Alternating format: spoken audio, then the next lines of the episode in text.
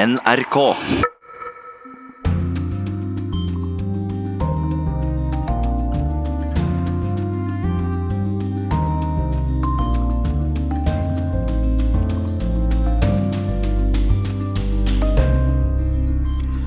Velkommen til Urix på lørdag, her i studio Øystein Heggen. Konfrontasjon eller samarbeid mellom USA og Europa? Vi skal til den årlige sikkerhetskonferansen i Tyskland, der USAs utenriksminister Mike Pompeo nettopp har holdt sin tale. Og vi skal høre om diktatoren som satt i 30 år med all makt, men denne uka fikk vi vite at Sudans tidligere president Omar al-Bashir kan bli utlevert til Den internasjonale straffedomstolen. Avskoging er et problem i mange land, men et lite land i Mellom-Amerika har gått motsatt vei. I Costa Rica har de klart å snu trenden. Nå dekker skog over halvparten av landet. Og korrespondentbrevet fra Philip Lote handler om fisk og fiskekrig etter brexit. Den britiske marinen har leid inn to nye patruljefartøy de frykter konfrontasjoner, en uønsket og ny versjon av torskekrigen mellom Storbritannia og Island på 1970-tallet. Og I ukens podkast mot slutten av sendinga får vi høre om stadig nye tiltak mot det nye koronaviruset i Kina, men vi tillater oss å spørre om det er så ille at det utvikler seg til en pandemi som smitter mange mennesker over et stort område. Nå først om den årlige sikkerhetskonferansen i München i Tyskland, der mange av verdens ledere altså deltar. Og der har USAs utenriksminister Mike Pompeo lovet milliarder av dollar til energiprosjekter i øst i Europa for å redusere avhengigheten av gass fra Russland. Frankrikes president eh, taler nå, eller har nettopp blitt ferdig. Han vil ha mer suverenitet og uavhengighet i eh, Europa. Etter sin eh, tale fikk Pompeo spørsmål om det vanskelige forholdet mellom USA og Europa, men svaret var bare at USA ønsker å være venn og partner. We want to work alongside you. We want to work together. We want to be good friends and partners. We'll, we'll have challenges. We'll, we'll have challenges on trade, where we'll have disagreements about what the right levels are for certain trade systems. Det var Mike Pompeo, og vi legger til at eh, statsminister Erna Solberg, utenriksminister Ine Eriksen Søreide og forsvarsminister Frank eh, Bakke-Jensen alle sammen er i München og representerer Norge. Men nå til deg, korrespondent Philip Lode, du er til stede selvfølgelig. Og er det så gemyttlig mellom verdenslederne som Pompeo ga uttrykk for her? Nei, det er ikke det, og det er vel derfor han har behov for å si det han sier. Han hadde også en ganske snedig omformulering av den amerikanske forfatteren Mark Twain, hvor han sa at nyheten om Vestens død er sterkt overdrevet. Altså når opprinnelige frasen er at nyheten om min død er sterkt overdrevet. Eh, men det er klart at eh, hele konferansen handler jo om eh, samholdet i Vesten. Eh, om Vesten er i ferd eh, med å abdisere for eh, nye fremvekstende stormakter som Kina, og at intern splittelse ødelegger for den makten og den dominansen som Vesten har hatt. Og På podiet akkurat nå så står, som du sa, den franske presidenten Macron. Han har ikke gått til angrep på USA, men han snakker veldig varmt om at Europa må eh, handle mer koordinert, må investere mer sammen, ha mer felles politikk, og også innenfor området eh, forsvar. Så det er helt klart at eh, han fortsetter å være den klareste og tydeligste røsten for et sterkere Europa. Også Jens Stoltenberg har vært på scenen i dag. Eh, han gjentok det han ofte har gjort i det siste, om at eh, til tross for uenighet, så er det nå flere eh, amerikanske tropper i Europa enn på lenge. Eh, USA styrker det felles forsvaret opp imot Russland, og europeiske land og Canada investerer mer i alliansen.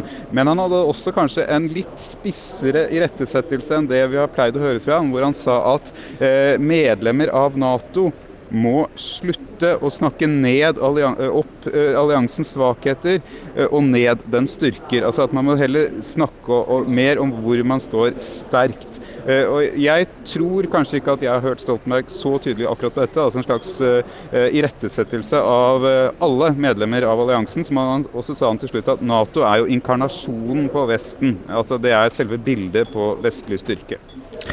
Men vi har jo organisasjoner som nettopp Nato, da. Vi har FN, vi har EU. Så det jeg lurer litt på, kanskje mange lyttere også, er hva man egentlig skal med denne sikkerhetskonferansen i München, som jo faktisk er en eh, årlig begivenhet? Ja, Dette er eh, sikkerhetspolitikkens store festival, for å si det sånn. Altså et svar på det økonomiske forumet i Davos. Eh, det som er spesielt med München, det er det vel 56. året det pågår nå, er at den bringer sammen alle sider. Her er jo ikke bare Vesten. Eh, Stoltenberg skal møte Lavrov her etterpå. Ashraf Ghani fra Afghanistan, afghanske presidenten, er her.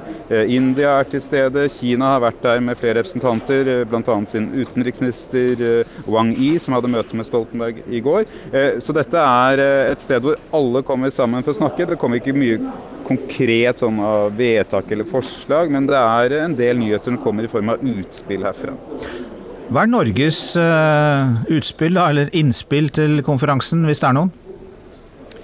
Det er vel eh, det som jeg syns var mm, mest interessant i går, var jo det vi rapporterte om at Norges syn i forhold til Kina er jo at faktisk eh, Nato er nødt til å, å ruste opp. Altså Hvis Kina ruster opp, så må Nato være med på den vestlige eh, eh verdens opprustning også, ikke bare i forhold til Russland, men også i forhold til Kina. For så å forsøke å få til en balanse og eh, våpenkontroll og nedrustning. Men man vil ikke la seg parkere. Det syns jeg for så vidt både Erna Solberg og Frank Bakke-Jensen var relativt tydelige tydelig på da vi snakket med dem i går. Ellers er det jo én nyhet alle går og venter på her, da, som egentlig ikke helt kommer, men som blir snakket veldig opp i Washington av både Trump og Pompeo, om en mulig eh, våpenhvile og eh, syv dagers, en ukes våpentilstand i Afghanistan, så man kan eh, få til en, eh, en fredsforhandling. Eh, foreløpig har ikke dette blitt helt konkretisert, men det spørs om det kommer denne helgen. Men det er jo en av de mer konkrete tingene som det har vært veldig mye snakk om, som foreløpig ikke har blitt helt konkret. Og som du følger med på, Philip Lote, vår eh, korrespondent til stede i München. Takk skal du ha.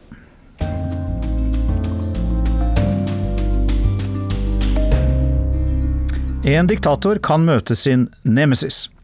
Denne uka fikk vi vite at Sudans tidligere president Omar al-Bashir kan bli utlevert til Den internasjonale straffedomstolen. 300 000 mennesker er drept i konflikten i Darfur, vest i Sudan. Omar al-Bashir er ettersøkt for folkemord, krigsforbrytelser og forbrytelser mot menneskeheten i Darfur. Omar al-Bashir ble avsatt for et knapt år siden etter måneder med protester, og da hadde han sittet med makten i 30 år.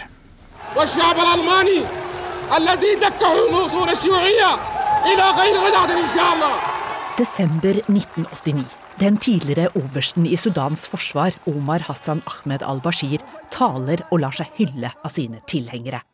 Lite visste de da at de neste 30 årene skulle styres av en diktator. Al-Bashir kom til makten ved å lede en gruppe offiserer i et militærkupp juni 1989. Han forbød raskt politiske partier, og ble innsatt som leder og statssjef i Sudan samme år. I 1993 ble al-Bashir valgt til president, et valg hans kritikere sier verken var fritt eller rettferdig. Politiske motstandere ble forfulgt og henrettet, og ikke minst ble det innført sharialovgivning i landet, som igjen førte til borgerkrig mot Sør-Sudan, hvor to millioner mennesker døde.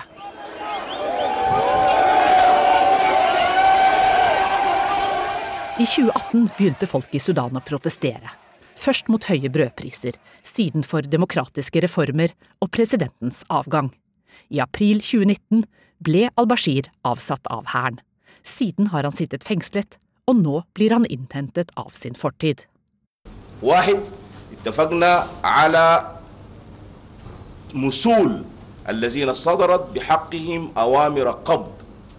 لدى المحكمة الجنائية الدولية أنا أقول الكلام ده بكل وضوح vi er alle enige om at alle som har arrestordre mot seg, skal fremstilles for Den internasjonale straffedomstolen ICC.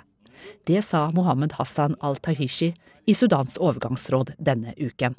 Han viser til det som skjedde i Darfur i det vestlige Sudan i 2003.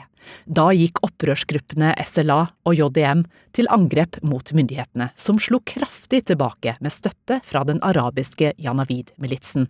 En milits som i ettertid er beskyldt for grusomme overgrep mot sivile under Darfur-konflikten. Ord som folkemord og etnisk rensning brukes for å beskrive konflikten internasjonalt. Resultatet er en av verdens verste humanitære kriser. Ifølge FN har konflikten kostet flere enn 300 000 mennesker livet, og svært mange av landsbyene til de afrikanske stammene er ødelagt og brent. 2,5 millioner mennesker er internflyktninger. I mars 2009 utstedte Den internasjonale straffedomstolen i Haag arrestordre på Omar al-Bashir. Det var første gang domstolen reiste tiltale mot et sittende statsoverhode. Men al-Bashir, som satt med makten, trengte ikke bry seg, for Sudan er ikke medlem av ICC. Nå sitter ikke al-Bashir like trygt bak fengselsgitteret i Khartoum. Som en del av fredssamtalene som nå pågår mellom overgangsregjeringen og opprørsgrupper fra Darfur-regionen, ser de seg tjent med å etterforske forbrytelser begått i Darfur. Dermed kan den 76 år gamle diktatoren og fire medarbeidere bli stilt til ansvar for forbrytelser mot menneskeheten og folkemord i Darfur. Det var reporter Anja Strønen som sa det. Og eh, seniorforsker og tidligere direktør for Christian Michelsen institutt, eh, Gunnar Sørbø, god morgen til deg. God morgen. Eh, du er sosialantropolog og har stor kjennskap til Sudan, med oss fra studio i Bergen. Og som vi hørte, overgangsregjeringen vil jo da utlevere Omar al-Bashir til Den internasjonale straffedomstolen. Hva tror du om sannsynligheten for at han blir dømt i Haag?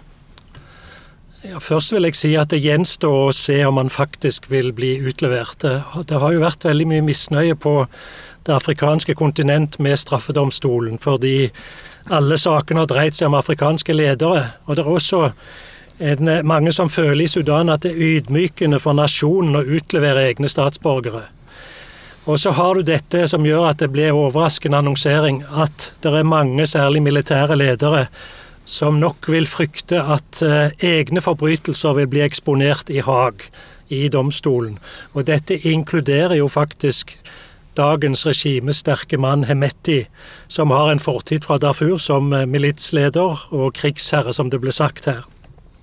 Så det er litt overraskende at annonseringen kom, men eh, som det også ble sagt, så eh, er det presset fra opprørsbevegelser i Darfur, eh, det sivile militære regimet som styrer Sudan nå, er nødt til å få slutt på alle krigene og konfliktene, særlig i Darfur, da, for å bruke pengene til andre ting enn krig, og for å ødelegge, en helt, gjenopprette en ødelagt økonomi.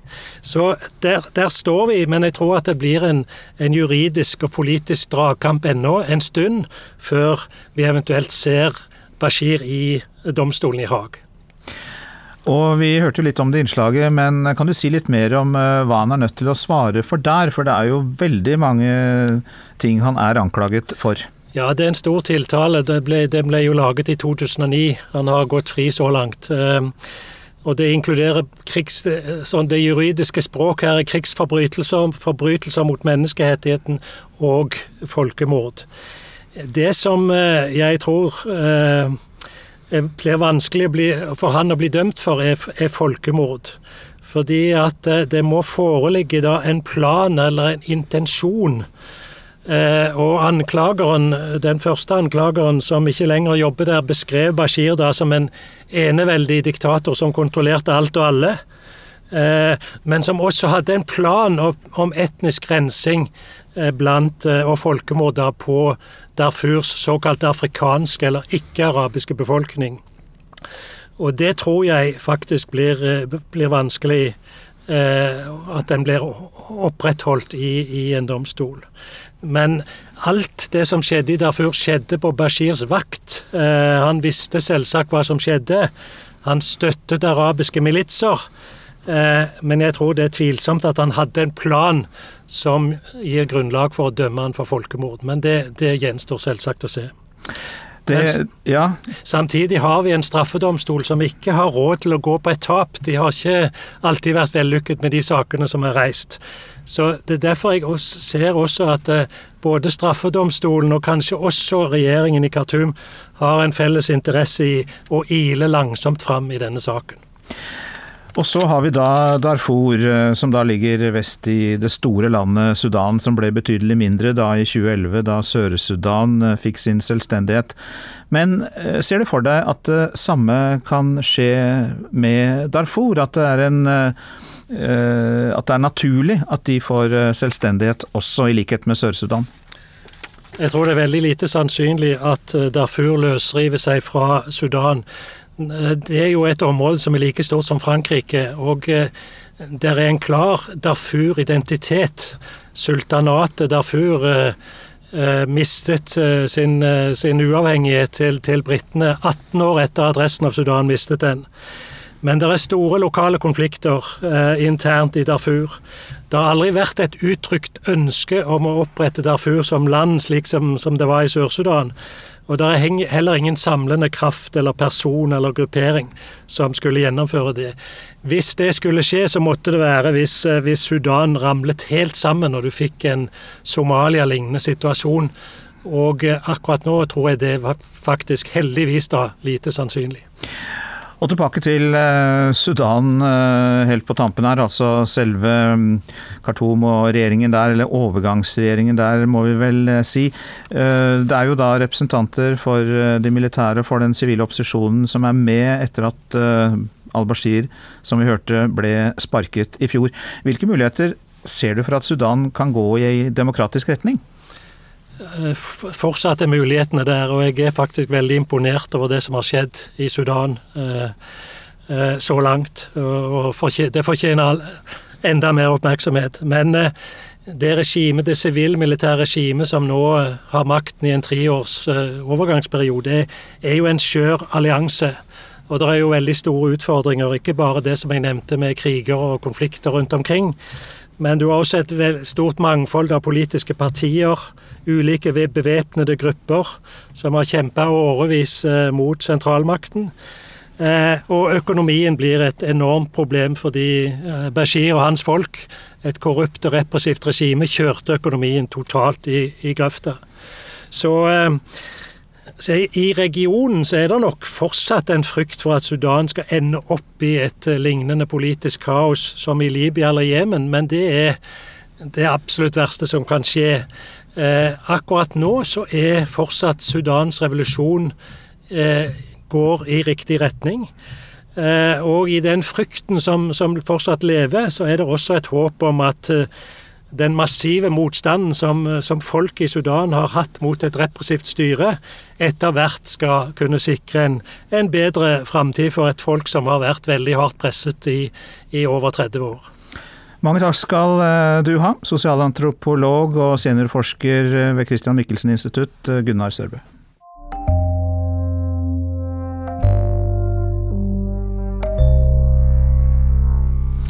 Nå til Costa Rica, for landet har nemlig lykkes i å snu trenden med avskoging.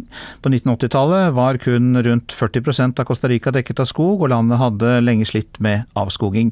I dag eh, så dekker over halvparten, eh, er over halvparten av det mellomamerikanske landet skogdekket.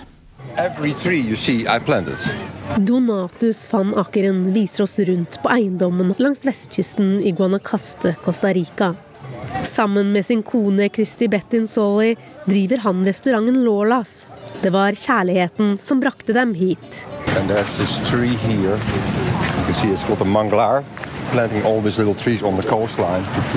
De var begge på ferie her. Nå har de vært her i 22 år. That's my husband, Donatus. De startet med to bord, nå har de sitteplasser for 300 gjester. When we, when we started this, there was nothing here. Every piece of furniture we milled and made ourselves. Uh, it's like yeah, we didn't have water, we didn't have electricity, we definitely didn't have telephones, we did not have internet. Avskogingen i verden skjer raskt. 3,6 millioner hektar primærregnskog forsvant i løpet av ett år, viser de nyeste tallene fra Global Forest Watch i 2018. Det tilsvarer tap av verdifull regnskog på størrelse med Belgia. Ser man på all skog som forsvant i tropene, er tallet på svimlende 12 millioner hektar. Men i Costa Rica har de klart å snu trenden. Mens landet på 80-tallet slet med avskogingsproblemer, har de siden da klart å øke andelen skog. Nå dekker skog over halvparten av landet. Til sammen har ekteparet plantet tusener, titusenvis av trær, forteller de. South of here, we've reforested 100 acres south of here. We have 20 acres up in a hill behind us. We've also reforested. We've reforested this four acres. En av verdens fremste forskere på tropisk skog og avskoging holder til i Washington DC. Frances Seymour ved World Resources Institute sier til NRK at Costa Rica er kjent for å være et av de første landene til å etablere en måte å kjøpe naturvern på. Et nasjonalt program for betaling for økosystemtjenester, PES, der landeiere stimuleres til å konservere og gjengro skog. Hun mener Costa Rica er et interessant case-studie i hvordan politikk for å stoppe avskoging og oppmuntre til å gjengro skog kan fungere. Og sier nå er tiden for andre land til å gjøre det samme, og til at land spytter penger inn i dette. Ekteparet på stranda i Guanacaste mener trær er viktige av mange grunner. Um, well, we're really lucky. We have a lot of oxygen because we're near the ocean, so that is very helpful to us. But we, for it's important for a couple reasons. We need to keep the animals here. We need to keep um, cooler. The soil from eroding. So right here on the beach, it's really critical because a lot of this was just clear cut. erosion control and and having having shade, you know, I mean having canopies. And you, you cannot grow anything without canopy. For ekteparet er det viktig å drive i pakt med naturen. Yeah. Because of how we've grown so organically, and we live here, and we want to maintain this the way we found it. Yeah. Is that we've been very careful not to produce waste and to not litter on this beach and to promote that throughout the community. Because people would just come here and throw their garbage on the beach. They would just burn it all the time. So now we have we have a septic treatment plant, we have solar panels, uh, no plastic. Uh, yeah. We try to minimize waste. We do our own composting. De mener alle må ta ansvar selv, og at det ikke kun er opp til myndighetene. Det er et personlig ansvar, sier de.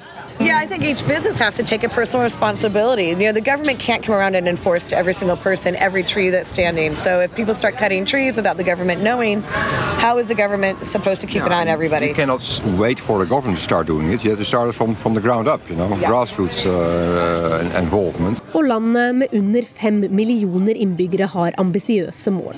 Innen 2035 skal 30 av offentlig transport være nullutslippskjøretøy.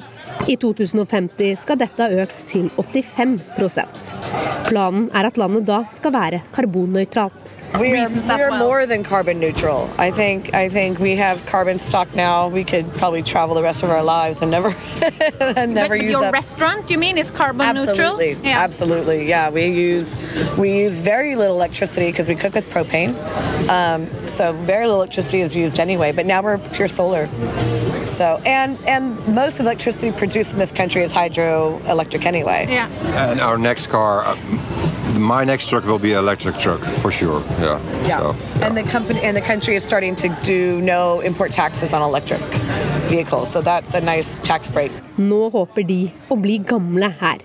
We are very lucky to, to, to live here. We are in a blue zone. This is one of the happiest and, and healthiest. healthiest places on earth. Reporter Costa Rica var Veronica Westrin.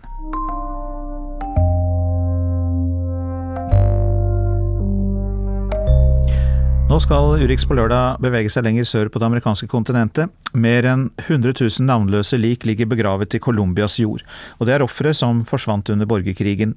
Og det gjør det vanskelig å skape forsoning i fredsprosessen. Men fredsavtalen har skapt en ny åpenhet om dette vanskelige temaet, rapporterer Arnt Stefansen fra Colombia. Nylig ble det funnet en massegrav med rundt 50 lik i regionen Antioquia i den sentrale delen av Colombia. Det makabre funnet har satt søkelys på det colombianske samfunnets største verkebyll, Los Desaparecidos, de som forsvant under den lange og blodige borgerkrigen og aldri er blitt funnet igjen. De som vet mest om slike forbrytelser, er Rettsmedisinsk institutt i Bogotá. Der møter jeg generaldirektør Claudia Garcia. Det nasjonale registeret over forsvunne personer viser at det er rundt 125 000-130 000 savnede her i Colombia. Det er selvsagt et ekstremt høyt tall, og mye høyere enn i land som Argentina og Chile, der det har vært grusomme militærdiktaturer. Med så mange savnede er det svært vanskelig å skape fred og forsoning i et land, sier generaldirektøren. For drøyt tre år siden ble det inngått en historisk fredsavtale mellom Colombias regjering og geriljaorganisasjonen FARC. Det har gitt nytt håp til de etterlatte etter savnede ofre, sier den 64 år gamle Luz Marina Ache, som jobber for den kjente menneskerettsorganisasjonen Movise. El tema de la desaparición en Colombia es un tema que solamente después del acuerdo de paz det er først etter undertegnelsen av fredsavtalen at de savnede er blitt et tema som diskuteres jevnlig i mediene og i deler av samfunnet her i Colombia. Tidligere ble vi fullstendig usynliggjort. Det ble aldri snakket offentlig om de som forsvant, og myndighetene bare lo av oss når vi krevde å få vite hva som hadde skjedd med dem, sier hun. Den colombianske borgerkrigen var den lengste og blodigste konflikt i den vestlige verden etter den annen verdenskrig. Og som i alle kriger var det sivilbefolkningen som betalte den høyeste prisen. Luz Marina Aches kjæreste, fagforeningslederen Eduardo Torres, forsvant på 1980-tallet, og siden har hun søkt forgjeves etter opplysninger om hans skjebne. El no saber de una persona desaparecida. Det å ikke vite hva som har skjedd med ens kjære, en smerte som ingen kan forstå uten selv å ha opplevd det. Hele livet settes på vent, og selv etter mange år stiller man seg spørsmål som er det mulig at han fortsatt lever? Har han fått noe å spise i dag? Fryser han? Og det eneste vi ber om, er visshet og en grav å gå til, sier hun.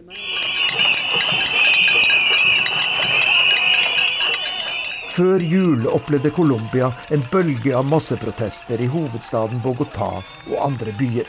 Og et av demonstrantenes krav var nettopp å få vite hva som har skjedd med de mer enn 100 000 som er forsvunnet.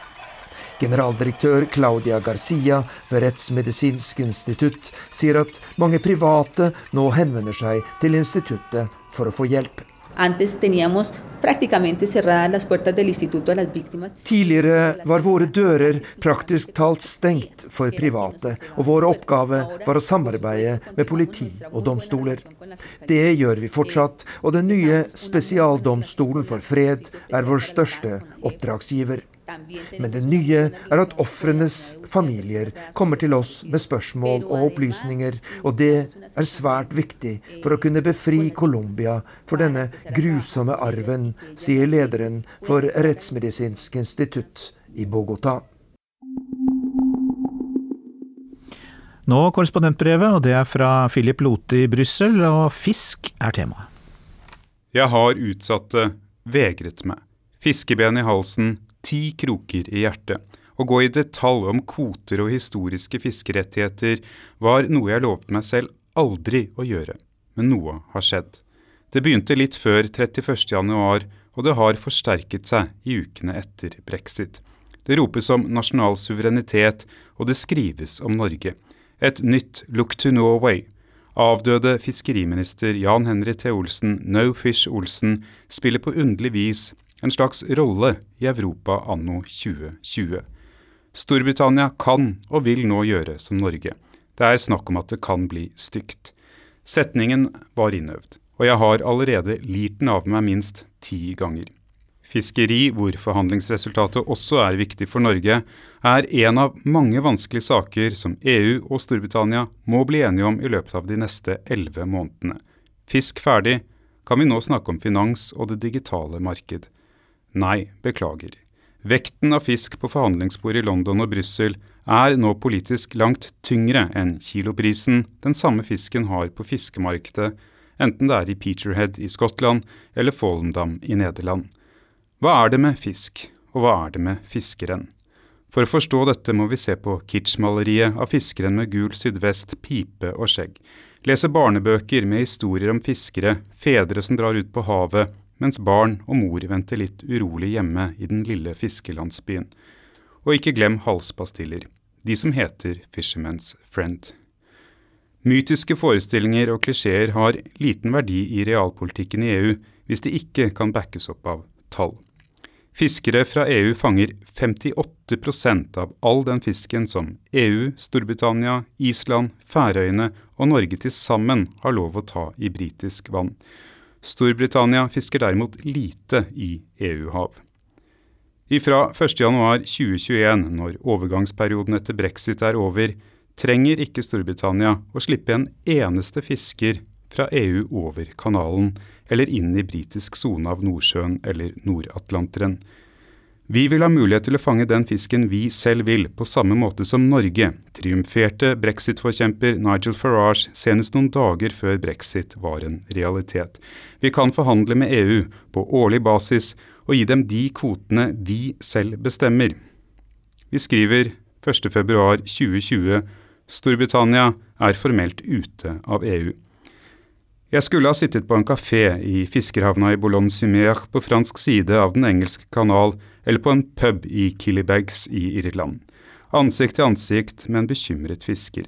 En fisker som frykter at et britisk no fish vil tippe tråleren over verdens ende, men det er ikke helt sånn. Jorda er fortsatt rund, det går ikke å fornekte. Havstrømmene har ikke endret seg vesentlig. Brexit, et unektelig menneskeskapt fenomen, har ikke endret hvor makrellen svømmer, torsken gyter, eller hvor rekene får rødfargen som gjør at restauranter i Italia kjøper dem. Jeg sitter da heller ikke i noen fiskerhavn. Jeg sitter i Brussel med nesen nede i papirer om EUs felles fiskeripolitikk. Det meste har fra EUs side til nå fulgt en bestemt logikk. Temaer har blitt diskutert, hver for seg, saklig. Det er ikke EU som har blandet kortene. Så dette. Det er kommet hint før, men nå er det klar tale. EUs sjefsforhandler Michel Barnier sier Storbritannias tilgang til å selge varer i EU, ikke bare sjømat, men alle varer, vil bli avgjort av den tilgangen fiskere fra EU får til britisk vann.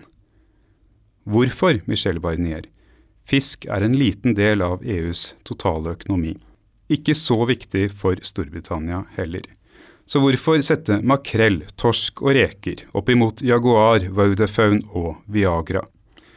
Hvorfor er det så viktig for EU at deres fiskere skal få fiske i britisk farvann? I spørsmålet om alt som lages og tjenester som utføres, sitter EU på de beste kortene. Det er først og fremst Storbritannia som ønsker å slippe inn i EUs indre marked. Hvorfor løfte frem fisk? Fisk er kanskje det eneste området hvor Storbritannia står styrket etter brexit. Det er noe med fiskeren. Som tidligere fiskeriminister i Frankrike forstår kanskje Michel Barnier det. Imens fisken selv er den mest statsløse av alle arter, der den svømmer under vann uten en anelse om hvilke grenser den krysser, er det annerledes med fiskeren. De er forbausende like uansett hvilket land de kommer fra, der de står i sine våte ullgensere. De er ærlige, hardt arbeidende, med en nærhet til naturen. Men de seiler ikke båter med EU-flagg, men med nasjonale flagg. En kystnasjon som svikter sine fiskere, svikter noe av det stoffet nasjonen er laget av. Det handler om den sosiale kontrakten mellom sårbare lokalsamfunn og den aller øverste myndighet. Sier Storbritannia at all fisk i britisk farvann er forbeholdt britiske fiskere, vil de mindre fiskerne på fransk side av Den engelske kanal i realiteten være konkurs. De kan knapt kaste garn over ripa mens de ennå ligger i havn uten å fiske i det som i dag er britisk vann. Det ryktes at Frankrike i et sånt scenario vil nekte sine fiskere å legge ut ifra havn. Den britiske marinen har leid inn to nye patruljefartøy. De frykter konfrontasjoner hvor franske og britiske fiskebåter støter mot hverandre en uønsket og ny versjon av torskekrigen mellom Storbritannia og Island på 1970-tallet. Noe som vil skje, er at de større industritrålerne fra Irland, Spania og Frankrike vil sette kurs for å ta sine kvoter i andre EU-vann, og da særlig i irsk farvann.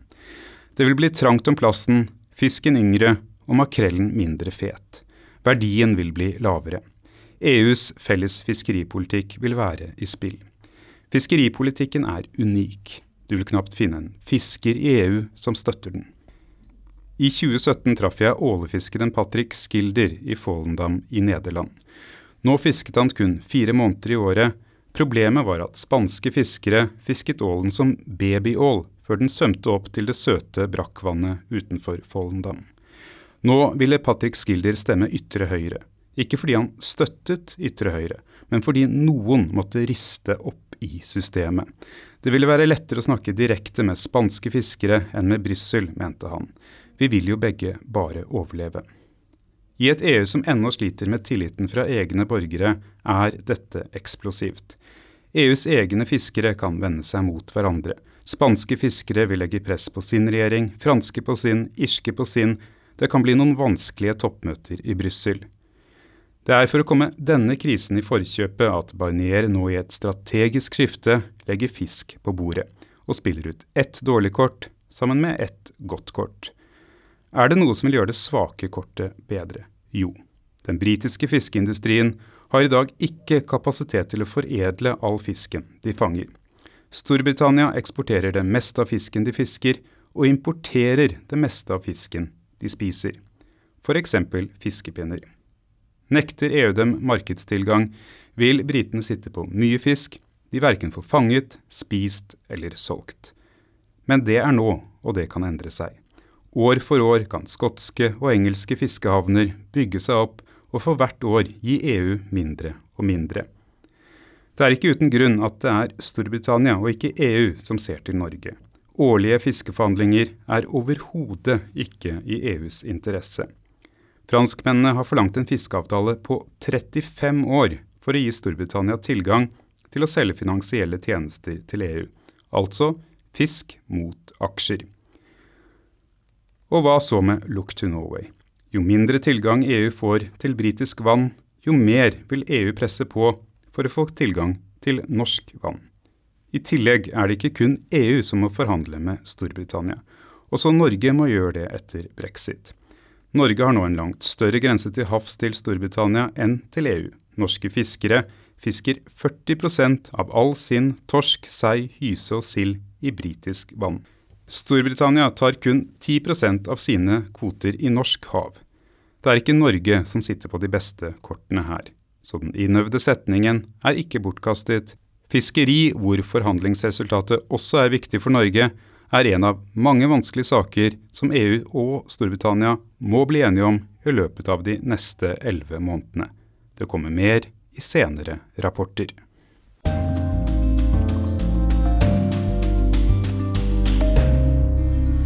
Europa har fått sitt første dødsfall av koronaviruset, det har vi nettopp fått inn melding om. Det er en kinesisk turist på besøk i Frankrike som har dødd, melder helsemyndighetene der. I Kina har myndighetene begynt å desinfisere pengesedler også, i et forsøk på å hindre at det nye covid-19-viruset sprer seg videre og alle som kommer tilbake til Beijing risikerer strenge straffer hvis de ikke følger en ordre om å holde seg inne i boligene sine de første 14 dagene. Kontrolltiltakene i Kina er omfattende. Men så spør vi likevel i denne podkasten om det egentlig er så ille med en ny pandemi. Er dette koronaviruset umulig å stoppe? Kommer du og jeg til å bli sjuke nå? Og hvor alvorlig er den egentlig, denne sykdommen, i den store sammenhengen? This transmissible coronavirus will continue to spread and become a pandemic. Kommer det en pandemi nå? Altså en sykdom som når overalt pan, og hele folket demos. Og hva skjer egentlig i Kina, der kampen virkelig står? Du hører på Krig og fred med Tore Moland og Halvard Sandberg.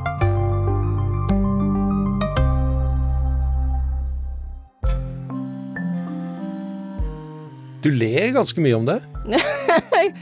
ja, jeg ler mye, fordi jeg har sett også mye hvordan eh, folk i Kina reagerer på den også. Jeg, de fleste nå er hjemme, så ja, skulle jo også ha samlinger og så masse aktiviteter og reise eller så, ikke sant. Så, men uh, måtte bare være hjemme. Men jeg syns kinesere har ganske mye som er bra humør da, om det. Jeg heter Lu. Eh, jeg har vært i Norge i elleve år. Jeg har tre barn. Eh, foreldrene mine, eh, begge to, i Chongqing, der jeg kom fra. De bor i nærheten av bestemor. Lu Leo. Yes. Ja, og da er Lu Det er ditt egentlige fornavn, ikke sant? Det er fornavn, ja. ja og Leo, Leo det er da Leo etternavnet. etternavn, ja. Så hvis det skal være kinesisk, så skal det være Leo Lo? Ja, stemmer.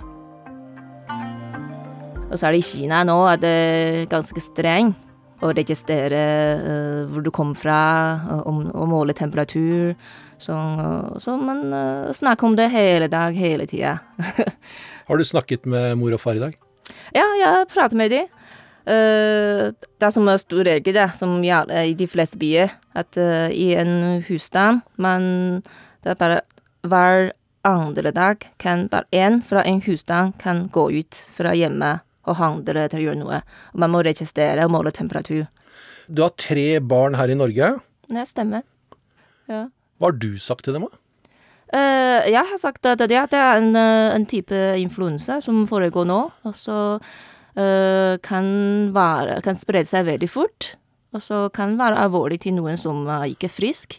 Men hva tenker du om at det, altså Viruset er jo ikke påvist noe sted i Norge? Denne virus kan henge på klær og ja, i mange, også i mange timer. Og så jeg vil unngå nå egentlig å, å møte uh, ja, uh, noen som akkurat kom fra Kina, egentlig. Så, også de som kommer fra Kina, er veldig uh, De må være hjemme et eller annet sted i 14 dager og unngå å, å møte folk, da. Nei, Tore, kan ikke du bare se på den videoen der? Wuhan. Wuhan. Wuhan har jeg lært at det skal sies.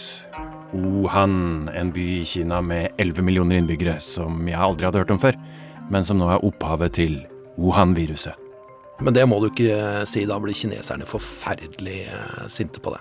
Ja, for her er det en greie med at det skal helst ikke kalles opp etter verken eh, land eller byer eller folkeslag eller dyr engang. Nei, det lærte Verdens helseorganisasjon eh, tidlig. De prøvde jo nå med 2019 NCOV, og nå har det blitt eh, nettopp nå et nytt navn på det. Du har det der. Covid-19. Coronavirus disease. Fra ja. 2019. Ja, og det er det ingen som kommer til å bruke. Det er jo eh, koronaviruset da blitt kalt. Ja. Men hvorfor er det feil å kalle det koronaviruset, Halvard?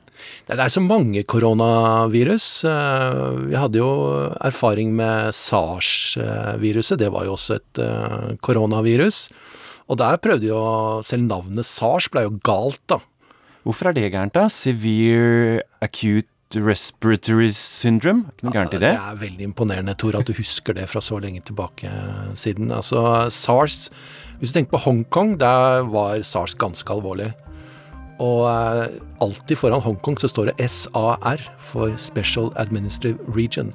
Så det ble for nært for en så alvorlig sykdom som SARS. Da hang det ut Hongkong, rett og slett? Helt riktig. Hvis man først får et slikt utbrudd eh, i et større land, så er det knapt nok noe annet land i verden som ville være i stand til å iverksette så kraftige og så effektive tiltak som det vi har sett i, i Kina. Ja, jeg heter Arne Broch Brandsæter. Jeg er hovedlege ved infeksjonsmedisinsk avdeling og CBRNE-senteret ved Oslo universitetssykehus. Og i 2003 så ble jeg sendt på oppdrag for Verdens helseorganisasjon til Kina for å bidra i deres vurdering av innsatsen kinesiske myndigheter hadde iverksatt mot sars-viruset. Hva er forskjellen på SARS-utbruddet og det utbruddet vi ser nå? Eh, likheten er i første øyekast større enn forskjellene. Begge skyldes koronavirus, og begge gir eh, alvorlig luftveissykdom. Det synes imidlertid som at det nye koronaviruset er mindre dødelig enn det sars-viruset var. Og vi får håpe at det kommer til å vise seg å være riktig, også når vi får fullstendige data til å kunne vurdere dette. Er innsatsen mot det også annerledes? Nei, jeg vil si at uh, de virkemidlene som man tok i bruk under SARS, de ser vi også i dag. Og kanskje i enda større grad. Da tenker jeg på slike ting som uh, begrensninger uh, i forhold til bevegelser i befolkningen. Man har nå stengt av store millionbyer flere steder i Kina Folk får ikke lov til å reise. Det var også ting som man så, så under SARS. Så jeg vil si at man gjør mye av det samme. Eh, man måtte repetere en suksesshistorie, men gjør det nå i enda større skala enn det man var nødt til å gjøre den gangen. Det virket da, det var kanskje noen som ble overrasket over det, for det ble nesten tatt for gitt at det kom til å spre seg, men det virket. Kommer det til å virke nå? Ja, Det er jo det store spørsmålet som vi alle ønsker svar på. Vi håper veldig sterkt på det, eh, og det er lov til å være optimist med tanke på at dette skal kunne gå denne gangen også. Men vi vet jo at sykdommen denne gangen kommer til å få et større omfang enn det, det SARS har. Allerede er dødstallene høyere, og antall tilfeller mye høyere enn under SARS. Men eh, jeg har fortsatt håp om at dette skal kunne komme under kontroll, at det skal, dette store utbruddet skal kunne begrenses til Kina. Samtidig så må vi være forberedt at det kommer til å komme enkeltstående og flere kanskje små klynger av tilfeller også i andre land, og sannsynligvis også til Norge. Men vårt første mål skal fortsatt være at vi skal få fullstendig kontroll på denne sykdommen, og at vi, dette ikke skal være et virus som fortsetter å sirkulere blant mennesker i årene som kommer. Men SARS hadde altså den høye dødeligheten. Øh og var like smittsom. Og så greide man å stoppe den. Hvordan var det mulig å få stoppe det, for den kom så sent inn egentlig i prosessen? Eh, det vi i hvert fall vet, er at eh, vi per i dag har mange flere tilfeller enn det vi noen gang hadde med, med SARS. Hvorfor har dette spredd seg så mye raskere? I hvert fall én ting som er klart, er at eh, befolkningens mobilitet i Kina har økt dramatisk i de 17 årene siden SARS. Slik at det er mye større potensial for folk å ta med seg smitten eh, folk, nå enn det var den gangen.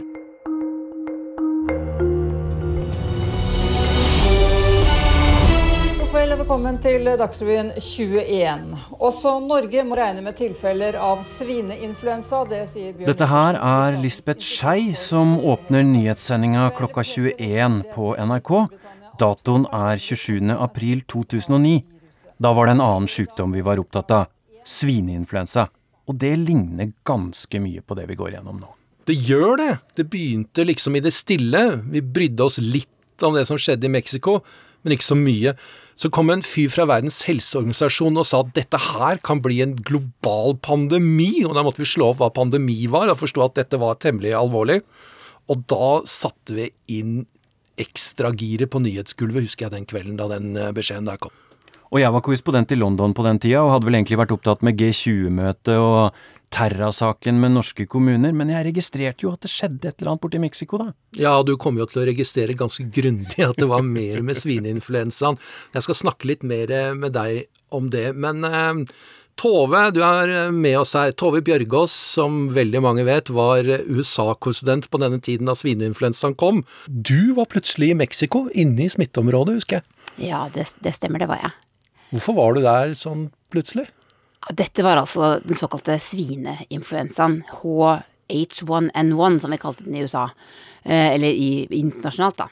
Og jeg husker at jeg måtte reise eh, litt sånn i hurten og styrten til Mexico. Jeg tror det var en lørdag. Jeg skulle egentlig til Iowa på en annen reportasje, og plutselig så satt jeg i bilen og hadde akkurat bestilt billett til Mexico City og skulle reise til en by der det hadde dukket opp et virus som ingen egentlig visste så mye om. Jeg husker at jeg gikk gjennom eh, tall som kom ut fra sykehusene da, og da var eh, dødeligheten veldig høy. De snakket om at eh, to, tre, kanskje fire prosent av de som fikk smitten i seg, de omkom. Men jeg tenkte liksom på deg sendt plutselig fra trygge USA så inn i Mexico, vi hadde snakka om alle de døde. Hvordan var det, Tove? Jeg husker at vi kom til Mexico City, og vi hadde ikke rukket å kjøpe med oss verken munnbind eller sånne, du vet, sånn desinfeksjonsvæske, sånn antibac og sånn. Men når vi kom til flyplassen i Mexico City, så møtte vi noen kolleger fra Washington. Og de hadde på seg svære ansiktsmasker. Og de hadde med seg bæreposer fulle med greier, da. Så vi fikk noen ansiktsmasker, munnbind, av de. Eh, og jeg husker jeg hadde ikke så mange, så jeg tenkte at disse må jeg spare på passer passe på at jeg ikke bruker opp. For, for, det er kanskje vanskelig å få tak i. Eh, så jeg tok på meg en sånn, og så husker jeg det du beskriver, at liksom man, man var ute i trafikken og eksosen i, i Mexico by, og at liksom du kjente at det var sånn klissete på fingrene, og du tok på den der hele tiden. Og at det føltes litt ekkelt. Jeg husker spesielt at vi sto utenfor et sykehus der mange pasienter var lagt inn, sammen med mange andre journalister. Alle journalistene med munnbind. Og, og jeg tenkte at jeg aner jo egentlig ikke er dette, liksom, Hva slags risiko er det egentlig vi utsetter oss for nå? Var du redd for å bli syk av? Jeg var vel på jobb, så det var vel litt sånn Jeg hadde vel ikke blitt sendt dit hvis det var kjempefarlig. Og det viste seg vel etterpå at, det, at vi ikke hadde noen grunn til å være redde, men, men det var jo litt sånn ekkelt, da, kan du si. Tore sier tallet 270 000 døde nå. La meg tippe tsunamien i Det indiske hav jula 2004? Det er det tallet, men det er også tallet på døde fra svineinfluensaen i 2009. Oi, det, det visste jeg ikke. Ja, det er ganske det er like mye som verdens største naturkatastrofe. Det er glad jeg ikke visste den gangen. Ja, for du ble smitta, du. Jeg fikk svineinfluensa i London midt på sommeren i 2009, og plutselig var det jeg som var nyheten hjemme i et litt engstelig Norge. Sommerstille da, riktignok, men eh, Ja, og vi her, eh, etter at eh, vi hadde liksom tatt den nyheten innover, så at en av våre egne var syke og kanskje ikke kunne jobbe, og så, så informerte vi at ja, du har jo så så stor sannsynlighet for å dø, og er du ikke redd da, Tor? Og en av dem som er ramma, er vår egen London-medarbeider, som fikk fastslått H1N1-viruset i går. Ja, kollega Tore Moland, er du bekymra? Ikke spesielt, men jeg er jo en mann som liker å sjekke fakta, så jeg har da lest meg til at jeg ifølge Verdens helseorganisasjon nå skal ha en 0,4% sjanse for å dø av dette her. Ja, og så meg som eh, relativt trygg, og det føltes egentlig bare akkurat som en vanlig influensa. Det var det, og det blei egentlig bedre også som, etter hvert som forskerne fikk sett skikkelig grundig på tallene. Det var først i 2012. Da kom det ut med de endelige tallene. og det 270 000 døde løpet av de første tolv månedene etter svineinfluensautbruddet. Og det høres så mye ut, men når du tenker på at én milliard mennesker ble smittet, så er ikke det så veldig mye, for folk skal jo dø av noe uansett. Så den totale dødeligheten på det tidspunktet der var 0,004% var det, tror jeg det var eh, oddsene dine da. Arne Brandsæter, overlege ved Oslo universitetssykehus. 270 000 mennesker, er det mye? Nei, 270 000 mennesker er jo ikke veldig mye på bakgrunn av at dette er en influensasykdom. Vi regner jo med at eh, bare i Norge hvert år så dør det rundt regnet 1000 mennesker. Hvis du ganger det opp, så, så er ikke 270 000 globalt mye. Det høres litt fælt ut at du sier at 270 000 ikke er mye. Ja, men det er fordi at jeg vet at influensa er en farlig sykdom. Og, og den svineinfluensaen var da ikke fa vesentlig farligere enn det vanlig influensa var. Og folk dør av noe? Folk dør av det, men folk dør av mange infeksjonssykdommer hver dag i verden. Eh, I mye større antall enn, det, enn denne influensaen. Grunnen til at vi kanskje er opptatt av oppmerksom, er at den i større grad infiserer også den norske befolkningen. Det er en sykdommer som er mye mer farlig for folkehelsen globalt, slik som f.eks. tuberkulose, malaria, hiv og aids. Hvor grundig ble du sjekka da du kom tilbake fra Kina i 2003? Da jeg kom tilbake fra Kina, så hadde jeg ingen undersøkelse overhodet. Oi, hvorfor ikke det? Eh, nei, og det, det, er jo egentlig ganske likt situasjonen i dag når det gjelder eh, koronaviruset. Har man vært, bare vært i det landet hvor det finnes koronavirus og kommer tilbake igjen, så gjør man ikke noen rutinemessig undersøkelse av disse personene. I hvert fall ikke i Norge. Eh, og grunnen til det er jo at selv om det er litt omdiskutert, så tror vi jo ikke at man er særlig smittsom, i hvert fall før man får symptomer. Så Derfor så er beskjeden til de som har vært i et utbruddsområde, at de skal eh, følge med på sin egen helsetilstand og ta kontakt med lege dersom de får eh, feber, eh, hoste eller eh, luftveissymptomer.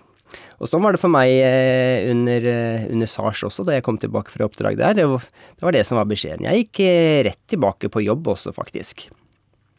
Så folk stolte på at du som lege og spesialist visste godt hvordan du skulle beskytte deg, og at han har ikke gjort noe feil. Så han regner vi som helt grei. Det var jo noe skepsis eh, i, blant foreldre i mine barns klasse på den tiden, f.eks. De visste jo hva dette var, men de tok det med godt humør og regnet med at dette var i orden når jeg var sammen med dem i sosiale sammenhenger. Og det viste seg jo også å være. Ja, du ble invitert? Ja da, jeg gjorde jo det, men det var mye fleiping rundt det. Eh, det var det. Hva syns du om at eh, det blir spredd mange sånne videoer og memes, som det heter, om som kinesere, de er smittebærere og Hva syns du om at det skjer nå? Nei, det syns jeg jo er avskyelig. Vi er Vi har ingen grunn til også ha noe negativt uh, forhold til kinesere som kommer til, til Norge pga. den situasjonen vi er i nå. Uh, alle som kommer til vårt land, de, de vet hvilke forholdsregler de skal ha. I hvert fall så får de informasjon om det, og i hvert fall kinesere er veldig godt informert om dette her. Så at de vil oppføre seg på en hygienisk god måte når vi er i Norge og ikke representerer noen stor smitterisiko for Norge, det, det syns jeg vi har eh, grunn til å regne med, så lenge disse gjestene våre er, er, er sunne og friske. Lou, kan du beskrive en av de videoene du har sett? Uh, ja, som jeg husker Jeg har sett en kort video uh, En uh, kinesisk jente hadde en Eller ikke fra Kina, kanskje fra Asia hadde en maske på seg, og så gikk, gikk på gata, så noen plutselig kastet inn på henne, og så kaller henne Kina-virus eller Wuhan-virus. Som jeg, jeg, føler meg Jeg syns folk som gjør det, er veldig dumme, så jeg føler meg veldig ekkelt. Du har hørt Krig og fred fra NRK Urix. Lydregien var ved Lisbeth Sellreite.